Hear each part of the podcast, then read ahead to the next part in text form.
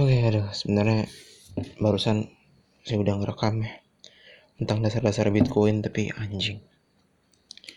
Ternyata malah bingung sendiri. Bangsat. Padahal anjing saya udah belajar ada sebulan kali. Sebulan yang lalu ya kayaknya whole month di Februari itu saya belajar Bitcoin tapi ternyata tetap susah ngejelasinnya sih. Jadi saya ngulang lagi. Hmm ya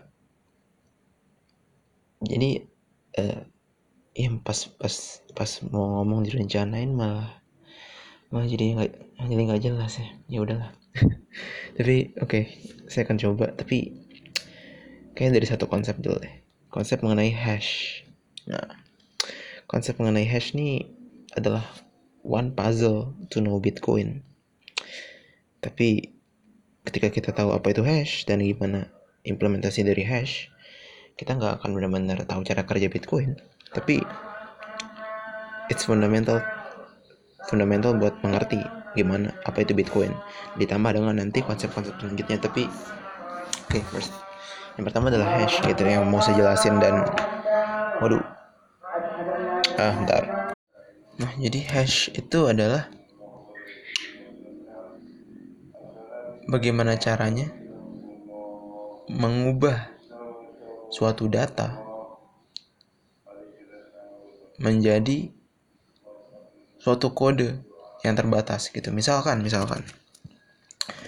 Misalkan kita misalkan uh, saya punya pesan gitu saya punya data-data itu bisa jadi apa sih bisa bisa terdiri dari apa aja gitu. Let's say data yang saya punya ya ini dalam bayangkan dalam sebuah laptop ya data yang saya punya adalah tulisan gitu berjumlah 200 kata itu datanya. Berisi tentang apalah misalkan surat email saya kepada seseorang gitu isinya 200 kata gitu. Nah kita ketika kita melakukan hash pada pesan saya itu pesan itu akan dikompres. Pesan itu akan misalkan kita punya pesan ini terus kita menghash pesan itu maka kita akan memperoleh suatu deretan karakter yang terdiri yang terdiri dari sebenarnya bisa apa aja tapi katakanlah terdiri dari huruf dan angka yang random terkesan random. Jadi misalkan 200 kata itu ketika saya menghash menghasilkan deretan deretan 20 20 karakter yang bunyinya kayak 2 A 3 3 4 5 intinya random lah yang terdiri dari angka dan huruf gitu. Jadi that's the idea of hash gitu.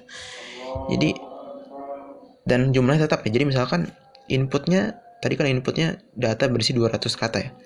Misalkan sekarang inputnya data berisi inputnya tuh infinite gitu basically. Jadi bisa katakanlah ya nggak infinite sih. Kalau infinite ya nggak akan selesai selesai outputnya. Tapi bisa sebesar apa pun gitu.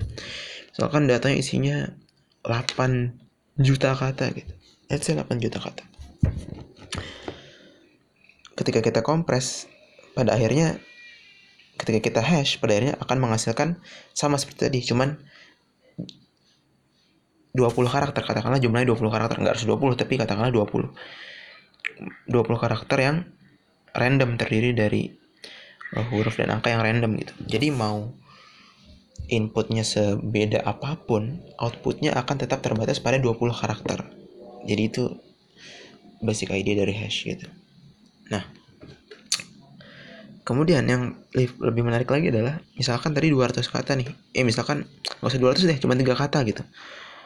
Halo, selamat siang gitu katakanlah ketika kita masukkan kata halo selamat siang ketika, kita menghash kan akhirnya akan tercipta 20 karakter yang completely random terdiri dari angka dan huruf gitu. Let's say kayak gitu. Ketika kita mengubah sedikit ya jadi misalkan dari halo selamat siang menjadi halo selamat siang gitu. G-nya kita hapus.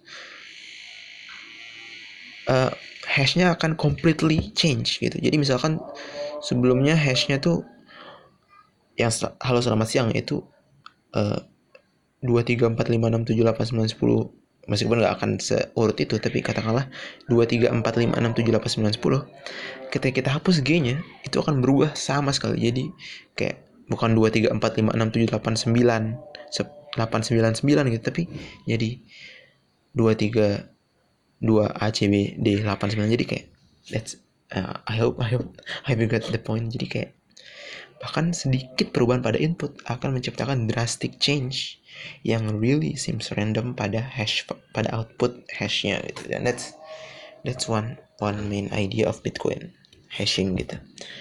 Bagaimana mengubah input yang terdiri dari data menjadi output yang terdiri dari karakter dengan jumlah terbatas yang random gitu. That's the idea of Bitcoin. Dan itu ide yang penting meskipun terkesannya nggak berhubungan sama sekali apa hubungannya? Um, itu sama Bitcoin sebagai duit gitu kan. Tapi itu sangat berhubungan sebetulnya. Tapi that's only one idea.